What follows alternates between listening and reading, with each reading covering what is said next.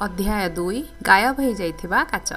Prepaid drive ଆଜି ବି ସେମିତି ଅଛି ଯେମିତି ଦଶ ବର୍ଷ ତଳେ ଥିଲା। ଆଜି ବି ସୂର୍ଯ୍ୟ କିରଣ ସଫାସୁତୁରା ବଗିଚା କଣରୁ ବାହାରି ଡସ୍ଲି ପରିବାରର କବାଟରେ ଲାଗିଥିବା ପିତ୍ତଳର ନେମ୍ପ୍ଲେଟ୍କୁ ଚମକଉଥିଲା ଯେଉଁଥିରେ ଚାରି ଲେଖା ଥିଲା। ଆଜି ବି ସେ ଡ୍ରଇଂ ରୁମ୍ ସେମିତି ଥିଲା ଯେମିତି ଦଶ ବର୍ଷ ତଳେ ଥିଲା। ଯେଉଁ ରାତିରେ ମିଷ୍ଟର ଡସ୍ଲି ପେଚାମାନଙ୍କ ଉପରେ ଅଦ୍ଭୁତ ଖବର ଶୁଣିଥିଲେ। କିନ୍ତୁ ମେଟାଲ ପିସ୍ ଉପରେ ରଖାହେଇଥିବା ଫଟୋ ସବୁ କହୁଥିଲା ଯେ କେତେ ସମୟ ବିତି ଯାଇଛି ଯେଉଁ ଜାଗାରେ ଏକ ମୋଟା ଗୋଲାପୀ ପିଲାର ଫଟୋ ଥିଲା ସେ ଜାଗାରେ ଏବେ ରଙ୍ଗ ବିରଙ୍ଗ ଟୋପି ପିନ୍ଧା ପିଲାର ଫଟୋ ଥିଲା। କିନ୍ତୁ ଡଡଲି ଡସ୍ଲି ଆଉ ଛୋଟ ପିଲା ହିଁ ନଥିଲା। ଫଟୋ ଏବେ କହୁଥିଲା ଯେ ଏକ ସୁନେଲି ବାଳବାଲା ମୋଟା ତାଗଡ଼ା ପିଲା ନିଜ ସାଇକେଲ ଚଲାଉଥିଲା ମେଳାରେ ଝୁଲୁଥିଲା ଆଉ ନିଜ ପାପାଙ୍କ ସହ କମ୍ପ୍ୟୁଟର ଗେମ୍ ଖେଳୁଥିଲା ନିଜ ମାଆର ଗାଲ ଚୁମୁଥିଲା। କିନ୍ତୁ ପୁରା ଘରେ ଆଉ ଗୋଟେ ପିଲା ରହୁଥିବାର ଆଦୌ ଚିହ୍ନ ନଥିଲା। ହେରି ପୋଟର ଏବେ ବି ସେଇଠି ରହୁଥିଲା ଆଉ ଏବେ ଶୋଇଥିଲା। କିନ୍ତୁ ବେଶୀ ସମୟ ସେ ଶୋଇ ରହିପାରିଲାନି। ତା ପିଟୁନିଆ ଆଣ୍ଟି ଉଠି ସାରିଥିଲେ ଆଉ ପୁରା ଘରେ ତାଙ୍କ ଉଚ୍ଚ ସ୍ୱର ପ୍ରଥମେ ଶୁଭାଯାଇଥିଲା ଉଠ ଜଲ୍ଦି ଉଠ ଶୁଭାଯାଉଛି କି ନାଇଁ? ହେରି ଚମକି ପଡ଼ିଲା। ତା ଆଣ୍ଟି ପୁଣି ଥରେ କବାଟ ଧଡ଼ ଧଡ଼ କଲେ। ଜଲ୍ଦି ଉଠ! ସେ ଚିତ୍କାର କଲେ ଆଉ ଚାଲିଗଲେ। ତାଙ୍କ ଚାଲିବା ଶବ୍ଦରୁ ଜଣାପଡ଼ୁଥିଲା ଯେ ସେ କିଚେନ୍ ଆଡ଼େ ଯାଉଥିଲେ। ହେରିକୁ ଗ୍ୟାସ୍ ଉପରେ ଫ୍ରାଇଂ ପ୍ୟାନ୍ ବସାଇବାର ଶବ୍ଦ ବି ଆସିଲା। ହେରି କିଛି ସମୟ ମୁହଁ ତଳୁ କରି ଶୋଇ ରହିଲା ଆଉ ସେ ସ୍ୱପ୍ନକୁ ମନେ ପକାଇବାକୁ ଲାଗିଲା। କେତେ ବଢ଼ିଆ ସ୍ୱପ୍ନ ଥିଲା ଯେ ଯେଉଁଥିରେ ଏକ ମୋଟର ସାଇକେଲ ଉଡ଼ୁଥିଲା। ତାକୁ ଲାଗୁଥିଲା ଯେମିତି ସେ ସ୍ୱପ୍ନ ଆଗରୁ ବି ଦେଖିଛି। ତା ଆଣ୍ଟି କିନ୍ତୁ ଆଉ ଥରେ ଆସିଯାଇଥିଲେ। ଏଯାଏଁ ଉଠିନୁ? ସେ ଚିତ୍କାର କଲେ। ଉଠି ସାରିଲେଣି। ତ ଜଲ୍ଦି ବାହାରକୁ ଆସ। ଆଉ ଜଳଖିଆ ବନେଇବାରେ ଲାଗିଯା। ଆଉ ହଁ କାଲି ପରି ଯେମିତି ପୋଡ଼ି ନ ଦଉ। ମୁଁ ଡଡଲିର ଜନ୍ମଦିନରେ ସବୁ କିଛି ବଢ଼ିଆ ଚାହେଁ ଓହୋ ହେରି ମୁହଁରୁ ବାହାରି ଆସିଲା। କ'ଣ କହିଲୁ? ଆଣ୍ଟି କବାଟ ବାହାରୁ କହିଲେ। କିଛି ନାହିଁ। ଡଡଲିର ଜନ୍ମଦିନ। ସେ କେମିତି ଭୁଲି ଯାଇଥିଲା ଯେ ସେ ନିଜ ଜାଗାରୁ ଉଠିଲା ଆଉ ମୋଜା ଖୋଜିବାକୁ ଲାଗିଲା। ତା ମୋଜା ଖଟ ତଳେ ଥିଲା। ଗୋଟେ ମୋଜା ଭିତରେ ବୁଢ଼ିଆଣୀ ଥିଲା ତାକୁ ବାହାର କରି ସେ ମୋଜା ପିନ୍ଧିଲା ଆଉ ବାହାରିଗଲା। ହେରିକୁ ବୁଢ଼ିଆଣୀ ସହିତ ରହିବାର ଅଭ୍ୟାସ ଥିଲା। କାରଣ ସିଡ଼ି ତଳ ଆଲମାରିରେ ବହୁତ ବୁଢ଼ିଆଣୀ ଥିଲେ ଆଉ ହେରି ସେଇ ଆଲମାରିରେ ଶୋଉଥିଲା। ହେରି ପୁରା କପଡ଼ା ପିନ୍ଧି ନେଲା ଆଉ ହଲ୍ ଦେଇ କିଚେନ୍ ଭିତରକୁ ଗଲା। ଡଡଲିର ଜନ୍ମଦିନ ତୋଫାରେ ପୁରା ଟେବଲ ଭର୍ତ୍ତି ହୋଇଯାଇଥିଲା। ଲାଗୁଥିଲା ଡଡଲି ଯେଉଁ କମ୍ପ୍ୟୁଟର ଚାହୁଁଥିଲା ତାହା ତାକୁ ମିଳିଯାଇଥିଲା। ତା ସହିତ ତାକୁ ଏକ ନୂଆ ଟେଲିଭିଜନ ବି ମିଳିଥିଲା ଆଉ ରେସିଂ ବାଇକ୍ ବି। ଡଡଲିକୁ ରେସିଂ ବାଇକ୍ କ'ଣ ପାଇଁ ଦରକାର ଥିଲା? ତାହା ହେରି ପାଇଁ ଏକ ରହସ୍ୟ ଥିଲା। କାରଣ ଡଡଲି ବହୁତ ମୋଟା ଥିଲା ଆଉ ବ୍ୟାୟାମ କରିବାକୁ ପସନ୍ଦ କରୁନଥିଲା। ଯେତେବେଳେ ଯାଇକି ଏଥିରେ କାହାକୁ ମାରପିଟ୍ କରିବା ସାମିଲ ନ ହୋଇଯାଏ ଆଉ ଡଡଲିର ପ୍ରିୟ ପଞ୍ଚିଂ ବ୍ୟାଗ୍ ହେରି ହିଁ ଥିଲା। କିନ୍ତୁ ହେରି ତା କବଳରେ ବହୁତ କମ୍ ଆସୁଥିଲା। ଦେଖାଯାଉନଥିଲେ ବି ହେରି ବହୁତ ତେଜ ଥିଲା। ବୋଧେ ଅନ୍ଧାର ଆଲମାରିରେ ରହୁଥିଲା। ସେଥିଲାଗି ହେରି ବୟସ ତୁଳନାରେ ଛୋଟ ଆଉ ପତଳା ରହିଯାଇଥିଲା। କିନ୍ତୁ ସେ ଯେତେ ଛୋଟ ଥିଲା ତାଠୁ ଅଧିକ ଛୋଟ ଦେଖାଯାଉଥିଲା। କାହିଁକି ନା ସେ ଡଡଲିର ପୁରୁଣା କପଡ଼ା ପିନ୍ଧୁଥିଲା। ଆଉ ଡଡଲି ତାଠୁ ଚାରି ଗୁଣ ମୋଟା ଥିଲା। ହେରିର ମୁହଁ ପତଳା ଆଣ୍ଠୁ ଗଣ୍ଠିଦାର କଳା ଘଞ୍ଚ ବାଳ ଆଉ ଉଜ୍ଜଳ ସବୁଜ ରଙ୍ଗର ଆଖି ଥିଲା। ସେ ଗୋଲ ଚଷମା ପିନ୍ଧୁଥିଲା ଯେଉଁଥିରେ କି ସେଲୋଟେପ୍ ଲାଗିଥିଲା। କାରଣ ଡଡଲି ସବୁବେଳେ ହେରିର ନାକକୁ ଲକ୍ଷ୍ୟ କରି ମୁଖା ମାରୁଥିଲା। ନିଜ ବିଷୟରେ ହେରିକୁ କେବଳ ଗୋଟିଏ ଜିନିଷ ଭଲ ଲାଗୁଥିଲା। ତା କପାଳରେ ଥିବା ପତଳା ଦାଗ ଯାହାକି ବିଜୁଳି ପଡ଼ିଆ ପରି ହେଇଥିଲା ହେରିର ହୋସ୍ ଆସିବା ଦିନଠାରୁ ସେ ଏଇ ଦାଗକୁ ଦେଖୁଥିଲା। ଆଉ ପ୍ରଥମ ପ୍ରଶ୍ନ ସେ ପିଟୁନିଆ ଆଣ୍ଟିକୁ ଏ ବିଷୟରେ ହିଁ ପଚାରିଥିଲା। ସେ କାର ଦୁର୍ଘଟଣାରେ ଯେଉଁଥିରେ ତୋ ମମି ଡାଡିଙ୍କର ମୃତ୍ୟୁ ହୋଇଥିଲା। ଆଉ ହଁ କିଛି ପ୍ରଶ୍ନ ନାହିଁ କିଛି ପ୍ରଶ୍ନ ନାହିଁ। ଡସ୍ଲି ପରିବାରର ଶାନ୍ତିପୂର୍ଣ୍ଣ ଜୀବନରେ ଏହା ପ୍ରଥମ ନିୟମ ଥିଲା। ଯେତେବେଳେ ହେରି ଜଳଖିଆ ବନାଉଥିଲା ବର୍ଣ୍ଣନ ଅଙ୍କଲ କିଚେନ୍ ଭିତରକୁ ଆସିଲେ। ମୁଣ୍ଡ କୁଣ୍ଡେଇନ କ'ଣ ପାଇଁ? ସେ ଜୋର ପାଟିରେ କହିଲେ ଯେମିତି ତାକୁ ଗୁଡ୍ ମର୍ଣ୍ଣିଂ କହୁଛନ୍ତି। ସବୁ ସପ୍ତାହରେ ବର୍ଣ୍ଣନ ଅଙ୍କଲ ହେରି ଉପରେ ଚିତ୍କାର କରୁଥିଲେ ଯେ ତାର ବାଳ ସବୁ ବହୁତ ଜଲ୍ଦି ବଢ଼ୁଛି ଆଉ ତାକୁ କଟେଇବା ଦରକାର। କିନ୍ତୁ ସତ କଥା ତ ଏଇଆ ଥିଲା ଯେ ତା କ୍ଲାସ୍ରେ ଯେତେ ପିଲା ଥିଲେ ତାଙ୍କର ଯେତେ ଥର ବାଳ କଟା ହେଉଥିଲା ସେସବୁକୁ ଏକାଠି ମିଶାଇ ଦେଲେ ଯେତେ ଥର ହେବ ହେରିର ତାଠୁ ଅଧିକ ଥର ବାଳ କଟା ହେଉଥିଲା। ହେଲେ ଏଥିରେ କିଛି ଫରକ ପଡ଼ୁନଥିଲା। କାରଣ ହେରିର ବାଳ ବହୁତ ଜଲ୍ଦି ବଢ଼ୁଥିଲା। ଯେତେବେଳେ ଡଡଲି ତା ମା ସହିତ କିଚେନ୍ ଭିତରକୁ ଆସିଲା ହେରି ଅଣ୍ଡା ସିଝଉଥିଲା। ସେ ପୁରାପୁରି ବର୍ଣ୍ଣନ ଅଙ୍କଲଙ୍କ ପରି ଦେଖାଯାଉଥିଲା। ବଡ଼ ଗୋଲାପୀ ଚେହେରା ଛୋଟ ଗଳା ଛୋଟ ନୀଳ ଆଖି ଆଉ ମୋଟା ସୁନେଲି ବାଳ। ଯାହାକି ତାର ବଡ଼ ମୁଣ୍ଡ ଉପରେ ଗୋଛାରେ ଥିଲା। ପିଟୁନିଆ ଆଣ୍ଟି ସବୁବେଳେ କହୁଥିଲେ ଯେ ଡଡଲି ଏକ ସ୍ୱର୍ଗଦୂତ ପରି ଦେଖାଯାଏ। ଆଉ ହେରିକି ଲାଗେ ଯେମିତି ଡଡଲି ଏକ ଘୁଷୁରୀ ଯିଏକି ୱିଗ୍ ପିନ୍ଧିଛି। ହେରି ଜଳଖିଆ ଆଉ ଅଣ୍ଡା ଟେବଲ ଉପରେ ରଖିଲା ଯାହାକି ବହୁତ କଷ୍ଟ କାମ ଥିଲା କାରଣ ଜାଗା ବହୁତ କମ୍ ଥିଲା। ୟା ଭିତରେ ଡଡଲି ତା ତାର ସବୁ ଉପହାର ଗଣୁଥିଲା ଆଉ ହଠାତ୍ ତା ମୁହଁ ଶୁଖିଗଲା। ଛତିଶ! ସେ ଚିତ୍କାର କଲା। ଏଇଟା ତ ଗଲା ବର୍ଷଠୁ ଦିଟା କମ୍। ମୋ ରାଜା ପୁଅ ତୁ ମାର୍ଜ ଆଣ୍ଟିଙ୍କ ଉପହାର ତ ଗଣିଲୁନି। ସେଇଟା ମମି ଡାଡିଙ୍କ ବଡ଼ ତୋଫା ତଳେ ଅଛି। ପିଟୁନି ଆଣ୍ଟି ବଡ଼ ଗେଲରେ କହିଲେ ହଁ ତ ସଇଁତିରିଶ ହେଲା। ଡଡଲିର ମୁହଁ ଲାଲ ହେଇଯାଇଥିଲା। ହେରିକୁ ଲାଗିଲା ଡଡଲିର ନାଟକ ତ ଏବେ ଆରମ୍ଭ ହେଲା। ତେଣୁ ସେ ଯେତେ ଜଲ୍ଦି ପାରିଲା ନିଜ ଖାଇବା ସବୁ ମୁହଁରେ ପୂରେଇବାକୁ ଲାଗିଲା। କାରଣ ରାଗରେ ଡଡଲି ଟେବଲ ବି ଓଲଟେଇ ପାରେ।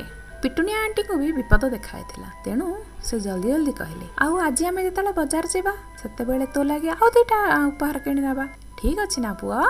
ସଇଁତିରିଶ ଆଉ ଦୁଇ ସଇଁତିରିଶ ଆଉ ଦୁଇ ଡଡଲି ଚିନ୍ତା କରିବାକୁ ଲାଗିଲା। ବହୁତ କଷ୍ଟ ଥିଲା। ସଇଁତିରିଶ ଆଉ ଦୁଇ ଅଣଚାଳିଶ ମଗେଲା ପୁଅ।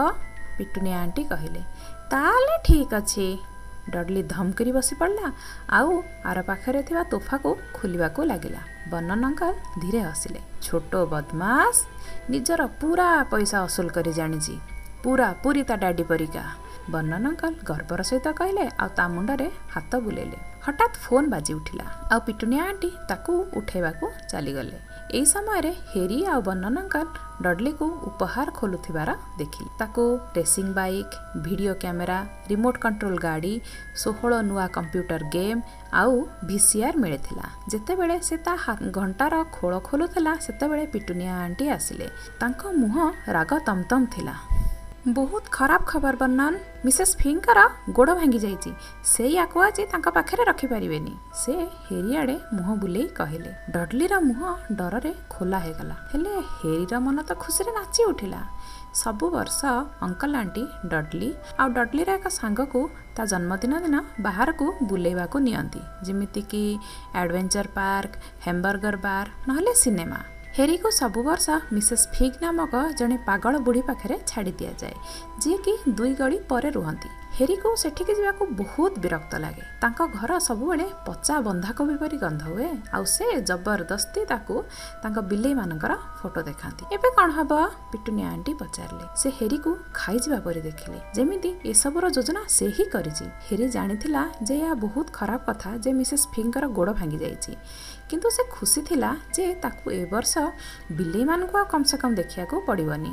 ଆମେ ମାର୍ଚ୍ଚକୁ ଫୋନ୍ କରିବା କି? ବର୍ଣ୍ଣନ ଅଙ୍କଲ କହିଲେ। ବୋକାଙ୍କ ପରି କଥା କୁହନି ସେ ୟାକୁ ଘୃଣା କରନ୍ତି। ଡସ୍ଲି ଦମ୍ପତି ହେରି ବିଷୟରେ ସବୁବେଳେ ଏମିତି କଥାବାର୍ତ୍ତା କରନ୍ତି।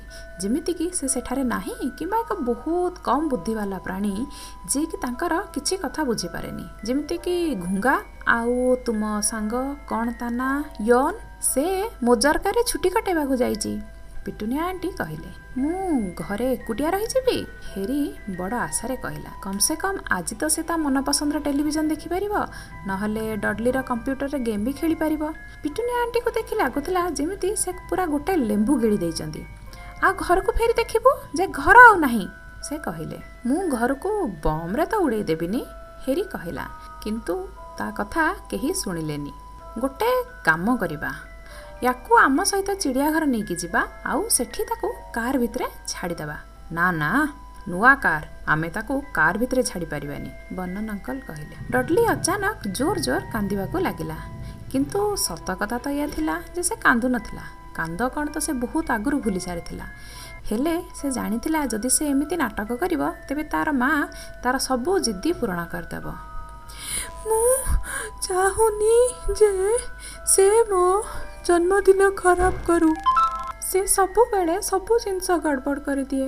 ନିଜ ମା ପାଖରୁ ହେରିକୁ ଚିଡ଼େଇ ଡଡଲି କହିଲା ଆଉ ଠିକ୍ ସେତିକି ବେଳେ ଘଣ୍ଟି ବାଜି ଉଠେ ହେ ଭଗବାନ ସେମାନେ ତ ଆସିଗଲେ ଡଡଲିର କାନ୍ଦ ତୁରନ୍ତ ବନ୍ଦ ହେଇଗଲା। କିଛି କ୍ଷଣ ପରେ ଡଡଲିର ସବୁଠୁ ପ୍ରିୟ ସାଙ୍ଗ ପିୟର୍ସ ପୋଲକିସ୍ ତା ମା ସହିତ ଭିତରକୁ ଆସିଲେ। ପିୟର୍ସ ମୂଷା ପରି ମୁହଁବାଲା ଏକ ଦୁର୍ବଳ ପିଲା ଥିଲା। ଯେତେବେଳେ ଡଡଲି ଅନ୍ୟମାନଙ୍କୁ ମାରିବା ପାଇଁ ଆସେ ପିୟର ସାଧାରଣତଃ ସେମାନଙ୍କର ହାତ ପଛପଟୁ ଧରିଥାଏ। ଅଧା ଘଣ୍ଟା ପରେ ହେରିକୁ ତା ନିଜ ଉପରେ ବିଶ୍ୱାସ ହେଉନଥାଏ ଯେ ସେ ଡଡଲି ଆଉ ପିୟର ସହିତ କାରରେ କାରର ପଛ ସିଟ୍ରେ ବସିଥିଲା ଆଉ ଜୀବନରେ ପ୍ରଥମ ଥର ଲାଗି ଚିଡ଼ିଆଘର ଯାଉଥିଲା। ତା ଅଙ୍କଲ ଆଣ୍ଟି ଜାଣିପାରିଲେନି ଯେ ତା ସହିତ କ'ଣ କରାଯିବ। ତେଣୁ ବାଧ୍ୟ ହୋଇ ହେରିକୁ ସାଙ୍ଗରେ ନେଇକି ଯିବାକୁ ତାଙ୍କୁ ପଡ଼ିଲା।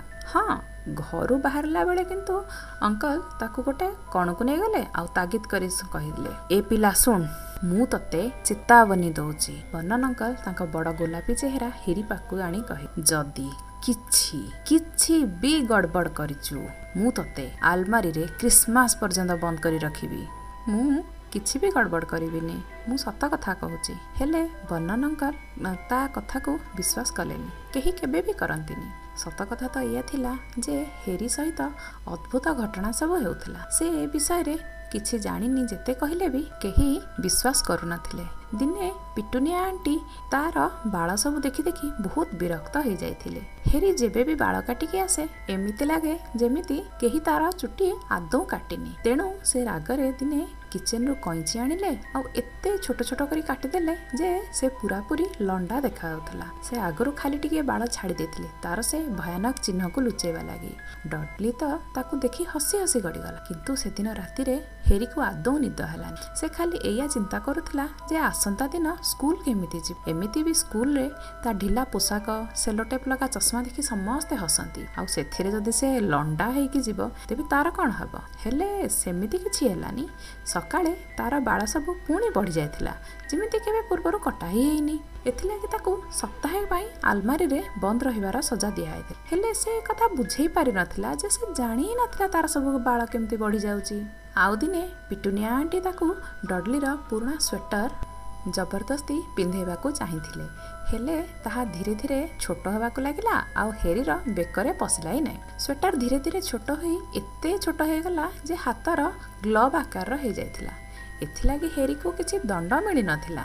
ଆଣ୍ଟିଙ୍କୁ ଲାଗିଥିଲା ବୋଧେ ସ୍ୱେଟର ପୁରୁଣା ହେଇଯାଇଛି ଆଉ ସଫା କରିବା ସମୟରେ ଛୋଟ ହେଇଯାଇଛି। କିନ୍ତୁ ସେ ଥରେ ନିଜେ ବି ଆଶ୍ଚର୍ଯ୍ୟ ହେଇଯାଇଥିଲା। ଯେତେବେଳେ ସେ ନିଜକୁ ସ୍କୁଲର ଛାତ ଉପରେ ପାଇଥିଲା ଡଡଲିର ସାଙ୍ଗମାନେ ତାକୁ ମାରିବା ପାଇଁ ତା ପଛରେ ଦୌଡୁଥିଲେ। ଆଉ କ'ଣ ହେଲା କେଜାଣି? ସେ ହଠାତ୍ ନିଜକୁ ଛାତ ଉପରେ ଚିମିନି ଉପରେ ବସିଥିବାର ପାଇଲା ତା ପ୍ରିନ୍ସିପାଲ ବହୁତ ରାଗ ହେଇଥିଲେ ଆଉ ଡସଲି ପରିବାରକୁ ଚିଠି ବି ଲେଖିଥିଲେ ଯେ ହେରି ଛାତ ଉପରେ ଚଢୁଛି ତାକୁ ଯେତେବେଳେ ଆଲମାରି ଭିତରେ ବନ୍ଦ କରାହେଲା ସେ ଚିତ୍କାର କରି କହିଥିଲା ଯେ ସେ ଖାଲି ଚିନ୍ତା କରିଥିଲା କିଚେନ୍ ପଛକଡ଼ କୁଡ଼ାଦାନୀ ଉପରେ ଡିଆଁ ମାରିଦେବ ବୋଲି। ହେରିକୁ ଲାଗୁଥିଲା ସେ ବୋଧେ ବହୁତ ପତଳା ଥିଲା। ଆଉ ପବନ ଆସିକି ତାକୁ ମଝିରୁ ଉଡ଼େଇ ଛାତ ଉପରକୁ ନେଇଯାଇଥିଲା। ହେଲେ ଆଜି ଟିକିଏ ବି ଗଡ଼ବଡ଼ ହେବନି। ଡଡଲି ଆଉ ପିୟର ସହିତ ଦିନ ବିତେଇବା ବି କିଛି କମ୍ କଥା ନଥିଲା। ଗାଡ଼ି ଚଲାଉଥିଲା ବେଳେ ବର୍ଣ୍ଣନ ଅଙ୍କଲ ପିଟୁନିଆ ଆଣ୍ଟିଙ୍କ ସାମ୍ନାରେ ସମସ୍ତଙ୍କୁ ଗାଳି ଦେଇ ଚାଲିଥିଲେ। ଗାଳି ଦେବା ତାଙ୍କର ସବୁଠୁ ପ୍ରିୟ ସଉକ ଥିଲା। ଅଫିସର ଲୋକମାନେ ହେରି। ମ୍ୟୁନିସିପାଲିଟି ହେରି। ବ୍ୟାଙ୍କ ହେରି। ତାଙ୍କର କିଛି ପ୍ରିୟ ବିଷୟ ଥିଲା। ଯେତେବେଳେ ଏକ ମୋଟର ସାଇକେଲ ଗାଡ଼ି ତାଙ୍କଠୁ ଆଗକୁ ଚାଲିଗଲା ଆଜିର ବି ଉଦ୍ଧତ ପିଲାମାନେ ଠିକ୍ରେ ଗାଡ଼ି ବି ଚଲାଉନାହାନ୍ତି। ବର୍ଣ୍ଣନ ଅଙ୍କଲ କହିଲେ ମୁଁ ସ୍ୱପ୍ନରେ ମୋଟର ସାଇକେଲକୁ ଉଡ଼ିବାର ଦେଖିଛି। ହେରି ହଠାତ୍ କହିଲା ବର୍ଣ୍ଣନ ଅଙ୍କଲ ଗାଡ଼ିରେ ଜୋରରେ ବ୍ରେକ୍ ଲଗାଇଲେ। ମୁହଁ ପଛକୁ କରି ରାଗରେ କହିଲେ ମୋଟର ସାଇକେଲ କେବେ ବି ଉଡ଼େନି। ଏ ସମୟରେ ତାଙ୍କ ମୁହଁ ବଡ଼ ସାଲଗମ ପରି ଦେଖାଯାଉଥିଲା। ମୁଁ ଜାଣିଛି ମୋଟର ସାଇକେଲ ଉଡ଼ିପାରେନି। ହେରି କହିଲା ସେଇଟା ତ ଖାଲି ସ୍ୱପ୍ନ ଥିଲା। କିନ୍ତୁ ସେ ଚିନ୍ତା କରୁଥିଲା ଆହ କାଳେ ସେ କଥା କହିନଥାନ୍ତା ତେବେ କେତେ ଭଲ ହେଇଥାନ୍ତା। ଡସଲି ପରିବାର ପ୍ରଶ୍ନ ପଚାରିବାଠୁ ଯଦି କିଛି କଥାରେ ବେଶୀ ରାଗୁଥିଲେ ତେବେ ତାହା ହେଲା ହେରି ଯେତେବେଳେ କିଛି କହୁଥିଲା କୌଣସି ଜିନିଷ ଏମିତି ହେଉଛି ଯାହା ତାକୁ ସେ ଉପାୟରେ ହେବାର ନଥିଲା। ତେଣିକି ସେଇଟା କାର୍ଟୁନରେ ହେଉ କି ସ୍ୱପ୍ନରେ ହେଉ ତାଙ୍କ ମତରେ ଏସବୁ କଥା ତା ମୁଣ୍ଡରେ ବିପଦଜନକ ଚିନ୍ତା ତିଆରି କରିବ। ଆଜି ବହୁତ ବଢ଼ିଆ ଶନିବାର ଥିଲା। ସେଥିଲାଗି ବହୁତ ପରିବାର ଚିଡ଼ିଆଘର ବୁଲିବାକୁ ଆସିଥିଲେ। ଡସଲି ଦମ୍ପତି ପିୟର୍ସ ଆଉ ଡଡଲିକୁ ବଡ଼ ଚକୋଲେଟ୍ ଆଇସ୍କ୍ରିମ୍ ଦେଲେ। ହେଲେ ଆଇସ୍କ୍ରିମ୍ ବିକାଳି ହେରିକୁ ବି ପଚାରିଦେଲା। ତେଣୁ ମନ ମାରି ସେମାନେ ହେରିକୁ ଶସ୍ତା ଲେମନ୍ ଆଇସ୍କ୍ରିମ୍ ଦେବାକୁ ପଡ଼ିଥିଲା। ହେରି ଭାବୁଥିଲା ଏଇଟା ବି କିଛି ଖରାପ ନୁହେଁ। ତାପରେ ସେମାନେ ଚିଡ଼ିଆଖାନା ଭିତରକୁ ଗଲେ। ହେରି ସେଠି ଗୋଟେ ଗରିଲା ଦେଖିଲା ଯିଏକି ତା ମୁଣ୍ଡ କୁଣ୍ଡଉଥିଲା। ହେରିକୁ ଲାଗିଲା ଗରିଲା ଓ ଡଡଲି ଭିତରେ କିଛି ବେଶୀ ତଫାତ ନଥିଲା। ଖାଲି ଡଡଲିର ବାଳ ସବୁ ସୁନେଲି ଥିଲା। ବହୁତ ଦିନ ପରେ ହେରିର ସମୟ ଏତେ ଭଲରେ କଟିଥିଲା। ସେ ବି ଏହା ଧ୍ୟାନ ରଖୁଥିଲା ଯେ ତାର ଆଉ ଡସଲି ପରିବାର ଭିତରେ କିଛି ଦୂରତା ରହିବା ଦରକାର। ସେ ବହୁତ ଭଲ ଭାବରେ ଜାଣିଥିଲା ଯେ ଖାଇବା ସମୟ ପର୍ଯ୍ୟନ୍ତ ଡଡଲି ଆଉ ପିୟର୍ସ ଏସବୁ ଦେଖି ଦେଖି ବୋର୍ ହେଇଯିବେ ଆଉ ତାକୁ ମାରିବାର ପ୍ରିୟ ଖେଳ ଆରମ୍ଭ କରିଦେବେ। ସେମାନେ ଚିଡ଼ିଆଘର ରେଷ୍ଟୁରାଣ୍ଟରେ ଖାଇଲେ। ସେଠି ବି ଡଡଲି ତାର ହଙ୍ଗାମା ଆରମ୍ଭ କରିଦେଲା। କାରଣ ତା ଫ୍ରୁଟ୍ ଆଇସ୍କ୍ରିମ୍ ସରିଯାଇଥିଲା। ବର୍ଣ୍ଣନ ଅଙ୍କଲ ତାକୁ ପ୍ରଥମେ ଏକ ଆଉ ଏକ ଆଇସ୍କ୍ରିମ୍ ଦେଲେ ଆଉ ହେରିକୁ ପ୍ରଥମ ଆଇସ୍କ୍ରିମ୍ ସାରିବାକୁ ଅନୁମତି ଦେଲେ। ଖାଇସାରିବା ପରେ ସେମାନେ ସରୀସୃପ ଭବନ ଗଲେ। ସରୀସୃପ ଭବନ ଥଣ୍ଡା ଆଉ ଅନ୍ଧାରୁଆ ଥିଲା। କେବଳ କାନ୍ଥରେ ଛୋଟ ଛୋଟ ଲାଇଟ୍ ଲାଗିଥିଲା। କାଚ ପଛରେ ବହୁତ ପ୍ରକାର ସାପ ଆଉ ଅନ୍ୟ ସରୀସୃପ ଥିଲେ। ସେମାନେ ପାଖରେ ରଖାଯାଇଥିବା କାଠ ଆଉ ପଥରରେ ଚଢ଼ୁଥିଲେ। ଡଡଲି ଆଉ ପିୟର୍ସ ବଡ଼ ବିଷାକ୍ତ ନାଗସାପ ଆଉ ମଣିଷକୁ ଗୋଟା ଗିଳିଦେଲା ଭଳି ବଡ଼ ଅଜଗରକୁ ଦେଖିବାକୁ ଚାହୁଁଥିଲେ। ଡଡଲିକୁ ବହୁତ ଜଲ୍ଦି ଏମିତି ଏକ ଅଜଗର ମିଳିଗଲା ଯିଏକି ବର୍ଣ୍ଣନ ଅଙ୍କଲଙ୍କ ଗାଡ଼ି ଚାରିକଡ଼େ ଦୁଇଥର ଗୁଡ଼େଇ ପାରିବ ଆଉ ତାକୁ ଗୁଣ୍ଡ କରିପାରିବ। କିନ୍ତୁ ଏବେ ସେ ଏମିତି କିଛି କରିବା ମୁଡ୍ରେ ନଥିଲା। ସତ କଥା ତ ଏଇଆ ଥିଲା ଯେ ସେ ଗଭୀର ନିଦରେ ଶୋଇଥିଲା। ଡଡଲି କାଚରେ ନାକ ଲଗେଇ ତାର ଚମକଦାର କଳା କୁଣ୍ଡଳୀକୁ ଦେଖୁଥିଲା। ୟାକୁ ଉଠାଅ ସେ ତା ପାପାଙ୍କୁ ଆଦେଶ ଦେଲା। ବର୍ଣ୍ଣନ ଅଙ୍କଲ କାଚ ଉପରେ ଠକ୍ ଠକ୍ କଲେ। ହେଲେ ସାପ ଟିକିଏ ବି ହଲିଲାନି। ଆଉ ଥରେ ଉଠାଅ। ଏଥର ବର୍ଣ୍ଣନ ଅଙ୍କଲ ଜୋରରେ କାଚ ଠକ୍ ଠକ୍ କଲେ। ହେଲେ କିଛି ବି ଲାଭ ହେଲାନି। କେତେ ବୋରିଂ ଡଡଲି କହିଲା। ଆଉ ସେଠୁ ଚାଲିଗଲା। ଡଡଲି ଯିବା ପରେ ହେରି ସାପ ସାମ୍ନାକୁ ଆସିଲା। ହେରି ଚିନ୍ତା କଲା କିଛି ଆଶ୍ଚର୍ଯ୍ୟ ନୁହେଁ ଯେ ସାପ ବୋରିଂ ହେଇ ହେଇ ମରିଯିବ। କେହି ସାଙ୍ଗରେ ନାହାନ୍ତି। ଆଉ ଦିନ ଯାକ ମୂର୍ଖ ଲୋକମାନେ ଆସି କାଚ ଠକ୍ ଠକ୍ କରୁଛନ୍ତି। ଏଇଟା ତ ସିଡ଼ି ତଳ ଆଲମାରିଠୁ ଆହୁରି ଖରାପ। ସେଠି ତ ହେଲେ ପିଟୁନିଆ ଆଣ୍ଟି ଥରେ ଆସି କବାଟ ଖଟଖଟ କରନ୍ତି। ଆଉ ତାକୁ ପୁରା ଘରେ ବୁଲିବାର ବି ଅନୁମତି ଅଛି। ହଠାତ୍ ସାପ ତାର ଛୋଟ ଚମକଦାର ଆଖି ଖୋଲିଲା। ଆଉ ତା ମୁଣ୍ଡ ଏତେ ଉପରକୁ ଉଠେଇଲା ଯେମିତି ତା ଆଖି ହେରି ଆଖି ସିଧାରେ ରହିବ। ସେ ଆଖି ମାରିଲା। ହେରି ଆଶ୍ଚର୍ଯ୍ୟ ହୋଇ ଏପଟ ସେପଟ ଦେଖିଲା। କେହି ତାଙ୍କୁ ଦେଖିନାହାନ୍ତି ତ? ତାପରେ ହେରି ବି ସାପକୁ ଟିକେ ଆଖି ମାରିଦେଲା। ସାପ ବର୍ଣ୍ଣନ ଅଙ୍କଲ ଆଉ ଡଡଲି ଆଡ଼େ ମୁଣ୍ଡ ହଲେଇଲା ଆଉ ତାପରେ ଛାତ ଆଡ଼େ ଚାହିଁଲା। ତାପରେ ହେରିକୁ ଏମିତି ଚାହିଁଲା ଯେମିତି କହୁଛି ମୋ ସହିତ ସବୁବେଳେ ଏଇଆ ହିଁ ହୁଏ। ମୁଁ ଜାଣିଛି। ହେରି କାଚ ଏପଟୁ ଫୁସଫୁସ ହେଇ କହିଲା ହେଲେ ସେ ଜାଣିନଥିଲା ଯେ ସାପ ତା କଥା ବୁଝିପାରୁଛି କି ନାହିଁ? ବହୁତ ବିରକ୍ତ ଲାଗୁଥିବ ନା? ସାପ ଜୋର ଜୋର ନିଜ ମୁଣ୍ଡ ହଲେଇଲା ତୁମେ କେଉଁଠୁ ଆସିଛ? ସାପ ନିଜ ଲାଞ୍ଜ ପାଖରେ ଲଗାଇଥିବା ବଡ଼ ସାଇନ୍ ବୋର୍ଡ଼ ଆଡ଼େ ଦେଖାଇଲା। ହେରି ପଢ଼ିଲା ବୋଆ କନଷ୍ଟ୍ରକ୍ଟର ବ୍ରାଜିଲ। ଓ ସେଠି ବହୁତ ଭଲ ଲାଗୁଥିବ ନା? ସାପ ପୁଣି ଥରେ ନିଜ ଲାଞ୍ଜ ପାଖରେ ଲଗାଇଥିବା ସାଇନ୍ ବୋର୍ଡ଼ ଆଡ଼େ ଦେଖାଇଲା ଏହି ସାପ ଚିଡ଼ିଆ ଘରେ ଜନ୍ମ ହୋଇଛି। ଆଚ୍ଛା ତୁମେ କେବେ ବ୍ରାଜିଲ ବି ଦେଖିନ ସାପ ପୁଣି ଥରେ ତା ମୁଣ୍ଡ ହଲେଇଲା ଡଡଲି ମିଷ୍ଟର ଡସ୍ଲି! ପିୟର ଚିତ୍କାର କଲା। ଏଠିକି ଆସନ୍ତୁ ଆଉ ଦେଖନ୍ତୁ ଏ ସାପ କ'ଣ କରୁଛି ଆପଣ ବିଶ୍ୱାସ କରିପାରିବେନି। ଡଡଲି ଯେତେ ଜୋରରେ ପାରିବ ସେତେ ଜୋର ଦୌଡ଼ି ଆସିଲା। ତୁ ସାମ୍ନାରେ ଉଠ! ସେ ହେରି ପେଟରେ ଜୋରରେ ଘୁଷା ମାରିଲା ଆଉ କହିଲା। ଅଚାନକ ମାରିବାରୁ ହେରି ଚଟାଣରେ ମୁହଁ ମାଡ଼ି ପଡ଼ିଲା। ଆଉ ତାପରେ ସବୁ ଏତେ ଜଲ୍ଦି ହେଲା ଯେ କେହି ବି ଦେଖିପାରିଲେନି। ଗୋଟେ କ୍ଷଣରେ ଡଡଲି ଆଉ ପିୟର୍ସ କାଚକୁ ଲାଗିକି ଠିଆ ହେଇଥିଲେ। ହେଲେ ଆର କ୍ଷଣରେ ସେମାନେ ଚିତ୍କାର କରି ଆର ପଟକୁ ଲେଉଟି ପଡ଼ିଲେ। ହେରି ଧଇଁ ସଇଁ ହେଇ ଉଠି ବସିଲା। ଆଉ ଦେଖିଲା ସାପ ସାମ୍ନାରେ ଥିବା କାଚ ଆଉ ନାହିଁ। ସାପ ତାର ବିଶାଳ ଶରୀରକୁ କୁଣ୍ଡଳୀ ଆକାରରେ ଖୋଲୁଥିଲା ଆଉ ବାହାର ଚଟାଣରେ ଚାଲିବାକୁ ଲାଗିଲା। ପୁରା ସରୀସୃପ ଭବନରେ ହୋ ହଲ୍ଲା ହେଇଗଲା। ଯେତେବେଳେ ସାପ ତା ପାଖ ଦେଇ ଯାଉଥିଲା ହେରି ସ୍ପଷ୍ଟ ଶୁଣିପାରିଥିଲା ବ୍ରାଜିଲ ମୁଁ ଆସୁଛି ଧନ୍ୟବାଦ ସାଙ୍ଗ ସେଠିକାର ଚୌକିଦାର ସ୍ତବ୍ଧ ଥିଲା। ହେଲେ କାଚ କାଚ କୁଆଡ଼େ ଗଲା? ଚିଡ଼ିଆଘରର ଡିରେକ୍ଟର ପିଟୁନିଆ ଆଣ୍ଟିଙ୍କୁ ନିଜ ହାତରେ ଗରମ ଚା ବନେଇ ପିଇବାକୁ ଦେଲେ। ଆଉ ବାରମ୍ବାର କ୍ଷମା ମାଗିବାକୁ ଲାଗିଲେ। ଡଡଲି ଆଉ ପିୟର୍ସ ତ ଇଆଡ଼ୁ ସିଆଡ଼ୁ କଥା କହୁଥିଲେ। ହେରି ସ୍ପଷ୍ଟ ଭାବରେ ଦେଖିଥିଲା ଯେ ସାପ କିଛି ବି କରିନଥିଲା। ସେ ଖାଲି ଥଟାରେ ତାଙ୍କ ଗୋଡ଼ରେ ଟିକେ ଲାଞ୍ଜ ମାରିଥିଲା। ହେଲେ ଯେତେବେଳେ ସେମାନେ କାରରେ ଘରକୁ ଆସୁଥିଲେ ଡଡଲି କହୁଥିଲା କେମିତି ସାପ ତା ଗୋଡ଼ରେ କାମୁଡ଼ିବାକୁ ଚେଷ୍ଟା କରିଥିଲା। ପିୟର୍ସ ତ ରାଣ ଖାଉଥିଲା ଯେ ସାପ ତାକୁ ଗୁଡ଼େଇକି ମାରିବା ପାଇଁ ଚେଷ୍ଟା ହେଉଥିଲା। ହେରି ସାପ ସହ କଥା ହେଉଥିଲା। ପିୟର୍ସ ହଠାତ୍ କହେ ବର୍ଣ୍ଣନ ଅଙ୍କଲ ପିୟର୍ସର ଘରୁ ଯିବା ପର୍ଯ୍ୟନ୍ତ ଅପେକ୍ଷା କଲେ। ଆଉ ତାପରେ ରାଗରେ ହେରିଆଡ଼େ ଦେଖିଲେ। ସେ ଏତେ ରାଗି ଯାଇଥିଲେ ଯେ ତାଙ୍କ ମୁହଁରୁ ଏତିକି ବାହାରିଲା। ଆଲମାରି କିଛି ଖାଇବା ନାହିଁ। ଏତିକି କହିବା ପରେ ସେ ଧମ୍ କରି ଚୌକିରେ ବସି ପଡ଼ିଲେ ଆଉ ପିଟୁନିଆ ଆଣ୍ଟିଙ୍କୁ ଦୌଡ଼ିକି ତାଙ୍କ ପାଇଁ ବ୍ରାଣ୍ଡିର ଏକ ବଡ଼ ପେଗ୍ ଆଣିବାକୁ ପଡ଼ିଥିଲା। ହେରି ବହୁତ ସମୟ ନିଜ ଆଲମାରି ଭିତରେ ପଡ଼ି ରହିଲା। ତା ପାଖରେ ଘଣ୍ଟା ବି ନଥିଲା ଯେ ସେ ସମୟ ଜାଣିପାରିବ। ସେ ଅପେକ୍ଷା କଲା ଯେତେବେଳେ ଡସ୍ଲି ପରିବାର ଶୋଇବାକୁ ଯିବେ ସେ ଚୁପଚାପ କିଚେନ୍ରୁ କିଛି ବାହାର କରି ଆଣି ଖାଇନେବ। ଡସ୍ଲି ପରିବାର ସହିତ ରହିବାର ହେରିକୁ ପାଖାପାଖି ଦଶ ବର୍ଷ ହେଇଯିବ। ଦଶ ବର୍ଷ ଦଶ ଦୁଃଖପୂର୍ଣ୍ଣ ବର୍ଷ ହେଇଯିବ। ସେ ଏଠି ସେବେଠୁ ଅଛି ଯେତେବେଳେ ସେ ବହୁତ ଛୋଟ ଥିଲା। ଆଉ ତା ମମି ଡାଡ଼ି ସେ କାର୍ ଦୁର୍ଘଟଣାରେ ମରିଯାଇଥିଲେ। ତାକୁ ଇଏ ବି ମନେ ନଥିଲା ଯେ ସେ କାର୍ ଦୁର୍ଘଟଣା ସମୟରେ ସେ କେଉଁଠି ଥିଲା। ଅନ୍ଧାର ଆଲମାରିରେ ଯେତେବେଳେ ସେ ବହୁତ ମନେ ପକାଇବାକୁ ଚେଷ୍ଟା କରେ ତାକୁ ଅଜବ ଜିନିଷ ସବୁ ଦେଖାଯାଏ। ଉଜ୍ଜଳ ସବୁଜ ଆଲୁଅ ଆଉ ମୁଣ୍ଡରେ ବହୁତ ବ୍ୟଥା। ସେ ଧରି ନେଇଥିଲା ଯେ ଏଇଟା ହିଁ କାର ଦୁର୍ଘଟଣା ହେଇଯାଇଥିବ। ହେଲେ ସେ ବୁଝିପାରୁନଥିଲା ଏତେ ସବୁଜ ଆଲୁଅ ସବୁ କେଉଁଠୁ ଆସିଲା। ତାକୁ ତା ମା ବାପାଙ୍କର ମୁହଁ ବି ମନେ ନଥିଲା। ତା ଅଙ୍କଲ ଆଣ୍ଟି କେବେ ବି ସେମାନଙ୍କ ବିଷୟରେ କଥା ହୁଅନ୍ତିନି ଆଉ ଏମିତି ବି ତାକୁ ପ୍ରଶ୍ନ ପଚାରିବା ମନା ଥିଲା। ଘରେ ତାଙ୍କର ଫଟୋ ବି ନଥିଲା। ଯେତେବେଳେ ହେରି ଛୋଟ ଥିଲା ସେ ସବୁବେଳେ ସ୍ୱପ୍ନ ଦେଖୁଥିଲା ଯେ ତାର କେହି ଜଣେ ଦୂର ସମ୍ପର୍କୀୟ ତାକୁ ଏଠୁ ନେଇକି ଯାଉଛନ୍ତି। ହେଲେ ଏମିତି କିଛି ବି ହେଇନଥିଲା। ଡସ୍ଲି ପରିବାର ଛଡ଼ା ତାର ଆଉ କେହି ନଥିଲେ। କିନ୍ତୁ ତାକୁ ବେଳେବେଳେ ଲାଗେ ରାସ୍ତାରେ ଗଲାବେଳେ ଅଚିହ୍ନା ଲୋକ ସବୁ ତାକୁ ଚିହ୍ନିଛନ୍ତି। ସେ ଥରେ ଯେତେବେଳେ ପିଟୁନିଆ ଆଣ୍ଟିଙ୍କ ସହିତ ସପିଂ କରିବାକୁ ଯାଇଥିଲା ସେତେବେଳେ ବାଇଗିଣୀ ହ୍ୟାଟ୍ ପିନ୍ଧା ଜଣେ ଲୋକ ତାକୁ ଦେଖି ମୁଣ୍ଡ ଲୋଇଁଥିଲେ ଆଉ ପିଟୁନିଆ ଆଣ୍ଟି ସେ କିଏ ବୋଲି ପଚାରିଥିଲେ। ଆଉ ତାପରେ ସେ ହଠାତ୍ କ'ଣ ପାଇଁ କେଜାଣି ରାଗି ଯାଇଥିଲେ ଆଉ ଜିନିଷପତ୍ର ନ କିଣି ସେଠୁ ଚାଲି ଆସିଥିଲେ। ଥରେ ବସ୍ରେ ଜଣେ ବୁଢ଼ୀ ତା ଆଡ଼କୁ ଖୁସିରେ ହାତ ହଲେଇଥିଲା ଯିଏକି ପାଗଳଙ୍କ ପରିକା ଦେଖାଯାଉଥିଲା ଆଉ ଗୋଡ଼ରୁ ମୁଣ୍ଡ ଯାଏଁ ସବୁଜ ପୋଷାକ ପିନ୍ଧିଥିଲା। ସଡ଼କ ଉପରେ ଥରେ ଜାମୁନି ରଙ୍ଗର ଲମ୍ବା କୋଟ୍ ପିନ୍ଧା ଜଣେ ବ୍ୟକ୍ତି ତା ସହିତ ହାତ ମିଳାଇଥିଲା ଆଉ କିଛି ନ କହି ଚାଲି ଯାଇଥିଲା। ଏମାନଙ୍କ ବିଷୟରେ ଆଶ୍ଚର୍ଯ୍ୟ କଥା ଏଇଆ ଥିଲା ଯେ ଯେତେବେଳେ ହେରି ଏମାନଙ୍କୁ ଥରେ ଦେଖିବାକୁ ଚେଷ୍ଟା କରେ ସେମାନେ ଆଉ ସେ ଜାଗାରେ ନଥାନ୍ତି ଯେମିତିକି ସେମାନେ ଅନ୍ତର୍ଧ୍ୟାନ ହେଇଯାଇଛନ୍ତି ସ୍କୁଲରେ ବି ତାର କେହି ସାଙ୍ଗ ନଥାନ୍ତି। ସମସ୍ତେ ଜାଣନ୍ତି ଯେ ଡଡଲି ଆଉ ତା ଗ୍ୟାଙ୍ଗ ଭଙ୍ଗା ଚଷମା ପିନ୍ଧା ହେରିକୁ ପସନ୍ଦ କରନ୍ତିନି। ଆଉ କେହି ବି ଡଡଲି ଆଉ ତା ଗ୍ୟାଙ୍ଗକୁ ବିରୋଧ କରିବାର ସାହସ ବି କରନ୍ତିନି।